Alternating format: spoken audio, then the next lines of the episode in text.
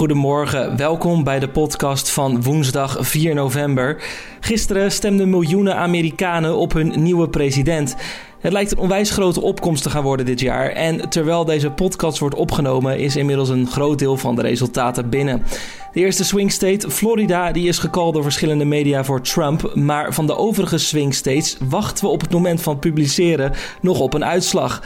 Hoe zijn de kaarten nu geschud? Komt dat een beetje overeen met de peilingen? En hoe groot is de kans dat we vanochtend nog iets weten? Voordat we verder gaan naar de rest van het nieuws van vandaag, spreek ik hierover met onze nu.nl buitenlandverslaggever Matthijs Lelou. Even een korte disclaimer vooraf, want aangezien we dit eerder opnemen, kan het zijn dat wanneer je deze podcast luistert, de zaak er al iets anders voor staat. Maar Matthijs, hoe staan de zaken er op dit moment voor? Wie ligt er op kop? Nou, dat, dat is eigenlijk nog niet te zeggen. Wie er landelijk op kop ligt uh, in, in de race om het Witte Huis. Maar wat je wel kunt constateren is uh, dat president Trump het tot nu toe beter heeft gedaan dan je op grond van de verkiezingsmodellen uh, zou aannemen.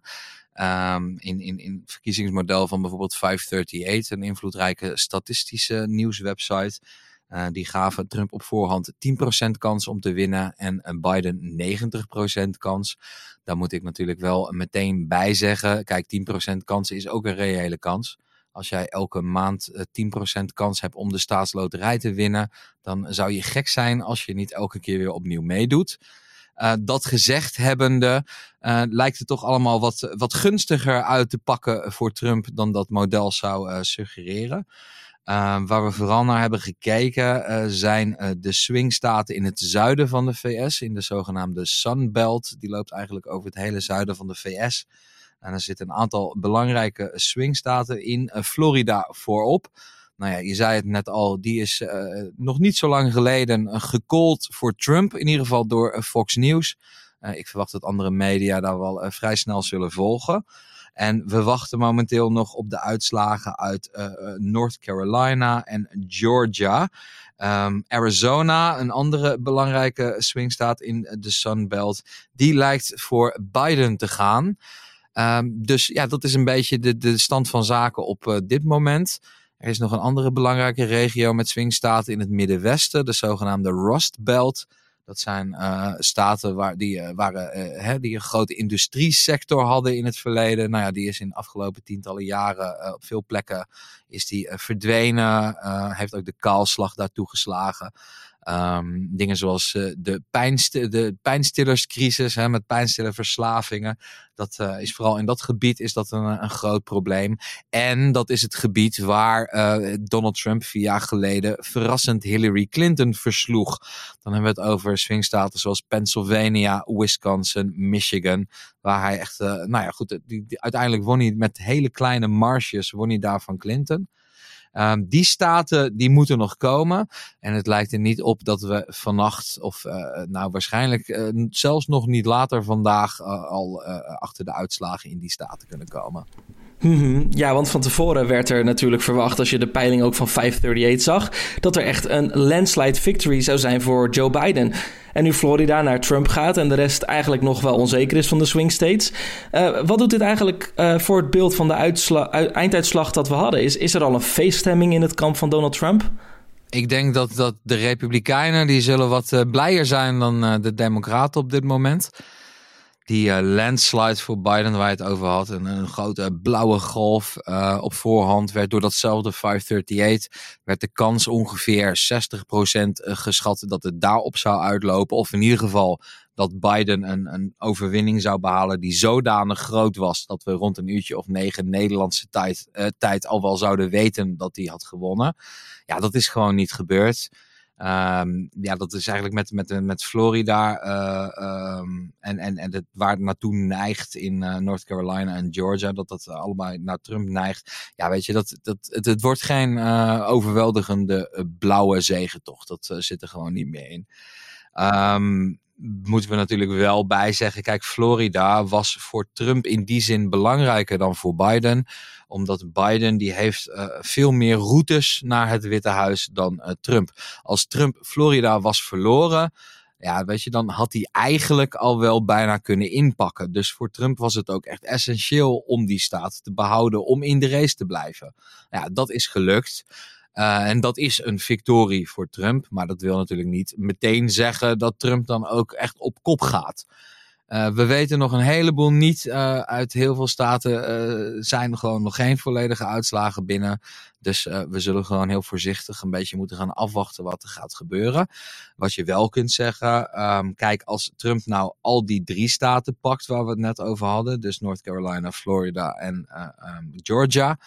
Um, dan zou je kunnen zeggen dat de race op dat moment ongeveer 50-50 is. In plaats van uh, die spectaculaire 10-90 waar het eerder om ging nu uh, Biden Arizona heeft gepakt. Hij is uh, nog niet gecallt en nog niet alle stemmen zijn daar geteld. Zit er momenteel ongeveer op 76% van de stemmen. Maar Biden heeft toch wel een vrij stevige voorsprong van zo'n uh, 9 procentpunten verschil.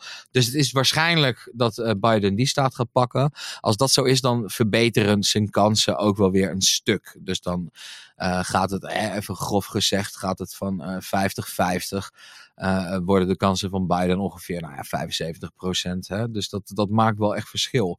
Want waarom is dat zo? Dat betekent dat hij straks bij die staten in het Middenwesten, die dus waarschijnlijk later deze week aan bod komen, dat hij daar gewoon simpelweg minder van nodig heeft. Jij hebt natuurlijk ook de hele nacht de verkiezingen gevolgd voor nu.nl.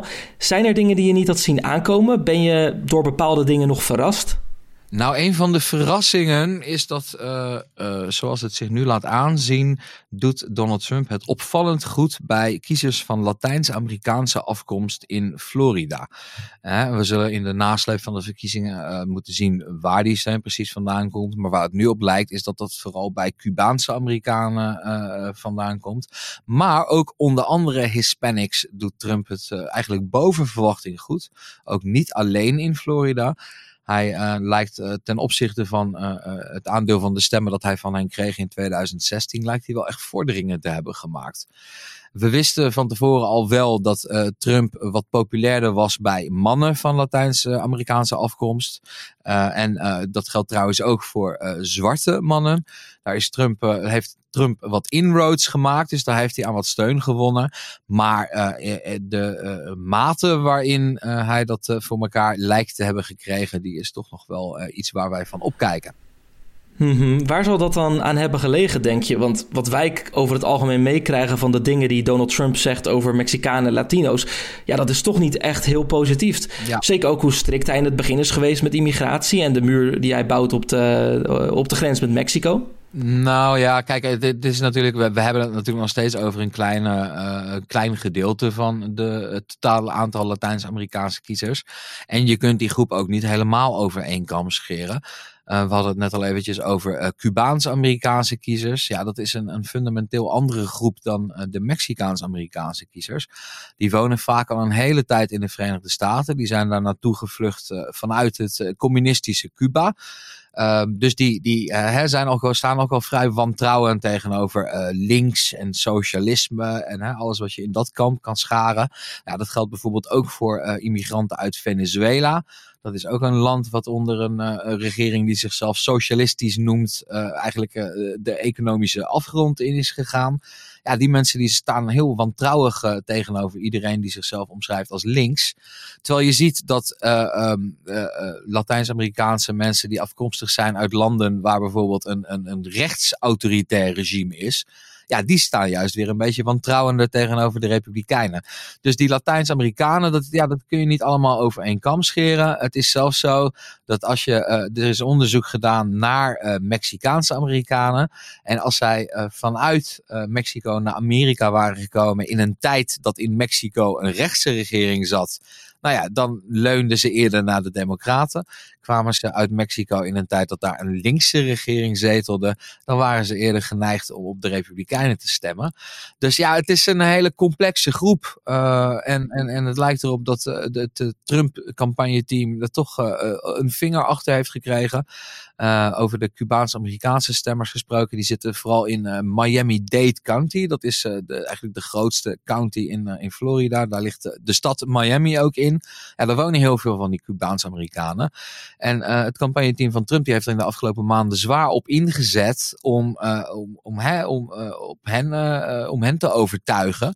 En je ziet dus ook dat um, die county lijkt nog steeds voornamelijk democratisch te stemmen. Maar Joe Biden had daar wel een heel wat kleinere overwinningsmarge dan eh, Hillary Clinton in 2016 deed. Dus de Republikeinen hebben daar echt wat van de Democraten af kunnen snoepen. Tot zover dan even over Florida en, en over de uitslagen die tot nu toe binnen zijn. Uh, als we dan even kijken naar de verkiezingsdag in zijn geheel. Uh, hoe is die verlopen? Is die rustig gegaan? Wat is jouw indruk, Matthijs? Over het algemeen kun je zeggen dat het, uh, dat het rust is gegaan. Uh, er was natuurlijk uh, op voorhand, omdat dit hele spannende verkiezingen zijn in een heel politiek verdeeld Amerika, waren de angsten dat nou ja, bijvoorbeeld mensen met wapens plotseling bij de stembureaus zouden verschijnen. dat er misschien opstootjes, relletjes zouden ontstaan ja, dat beeld dat is eigenlijk uh, uh, vrijwel uitgebleven. Er waren hier en daar wel wat kleine incidentjes, maar die zijn eigenlijk het uh, noemen niet echt waard. Omdat je anders de indruk wekt dat het misschien wat onrustiger was dan dat het was. Het is echt, nou, het was een hele vredige verkiezingsdag eigenlijk. Zonder noemenswaardige gebeurtenissen eigenlijk, zeg je? Ja, er is niks. Er was niet echt iets wat er heel erg uitsprong op dat front. En er kwamen wat geluiden uit uh, Washington DC dat uh, winkeliers daar uit voorzorg al hun ramen aftimmeren. Dat de politie er rekening mee houdt dat ongeacht wie de verkiezingen wint, er wel eens massademonstraties zouden kunnen ontstaan. Maar dat, ja, dat verwachten we eigenlijk al een beetje. Uh, stel dat uh, Trump bijvoorbeeld herverkiezing, zijn herverkiezing veilig stelt.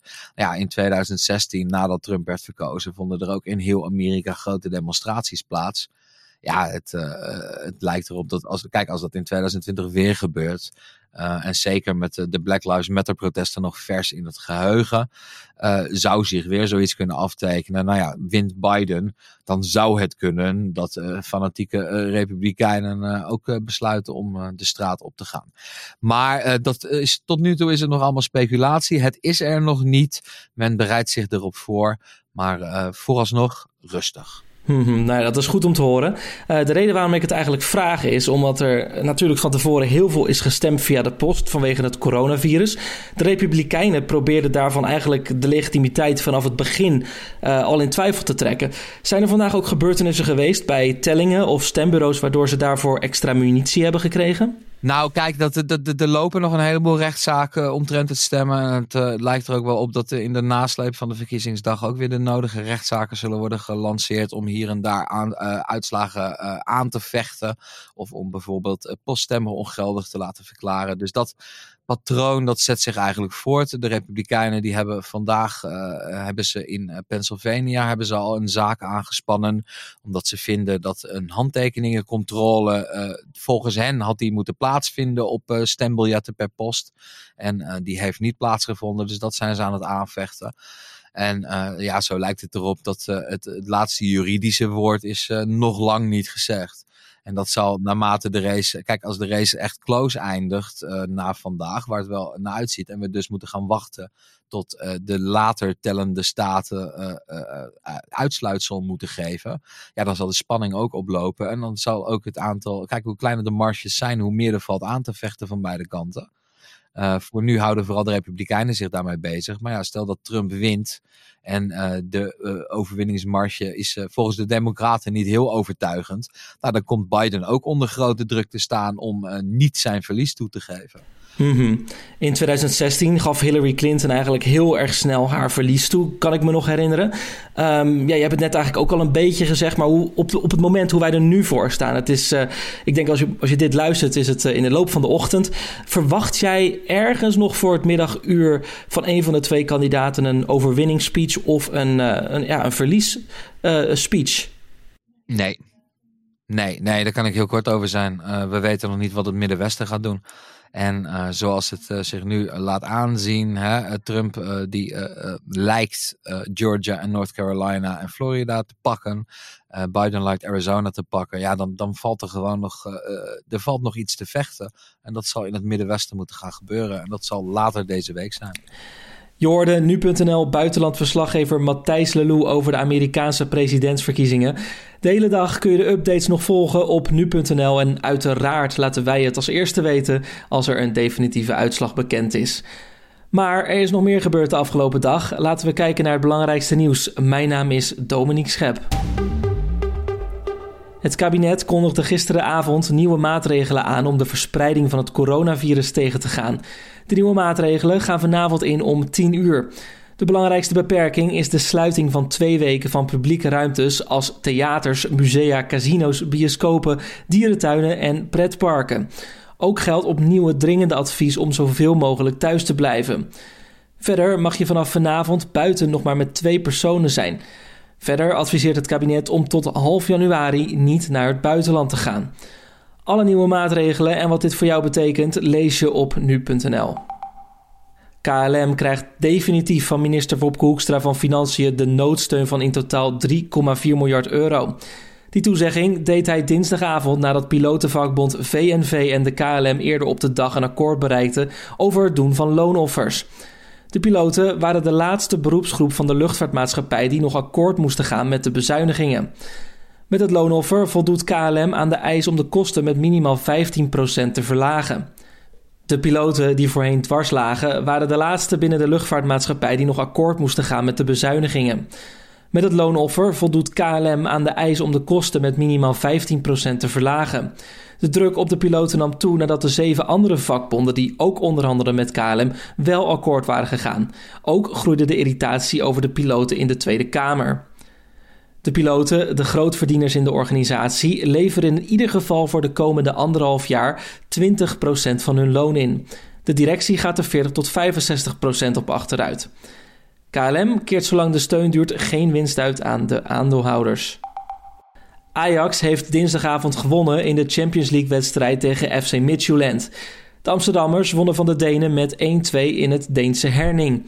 Ze staan momenteel op de tweede plaats in groep D. Al na minder dan een minuut kwam Ajax op voorsprong door een doelpunt van Anthony. In de andere wedstrijd in groep D verloor Atalanta met 0-5 van Liverpool. De Engelse ploeg staat op dit moment bovenaan in de groep. Polen stelt voorlopig de aangescherpte abortuswet uit. Dat laat de regering dinsdag weten.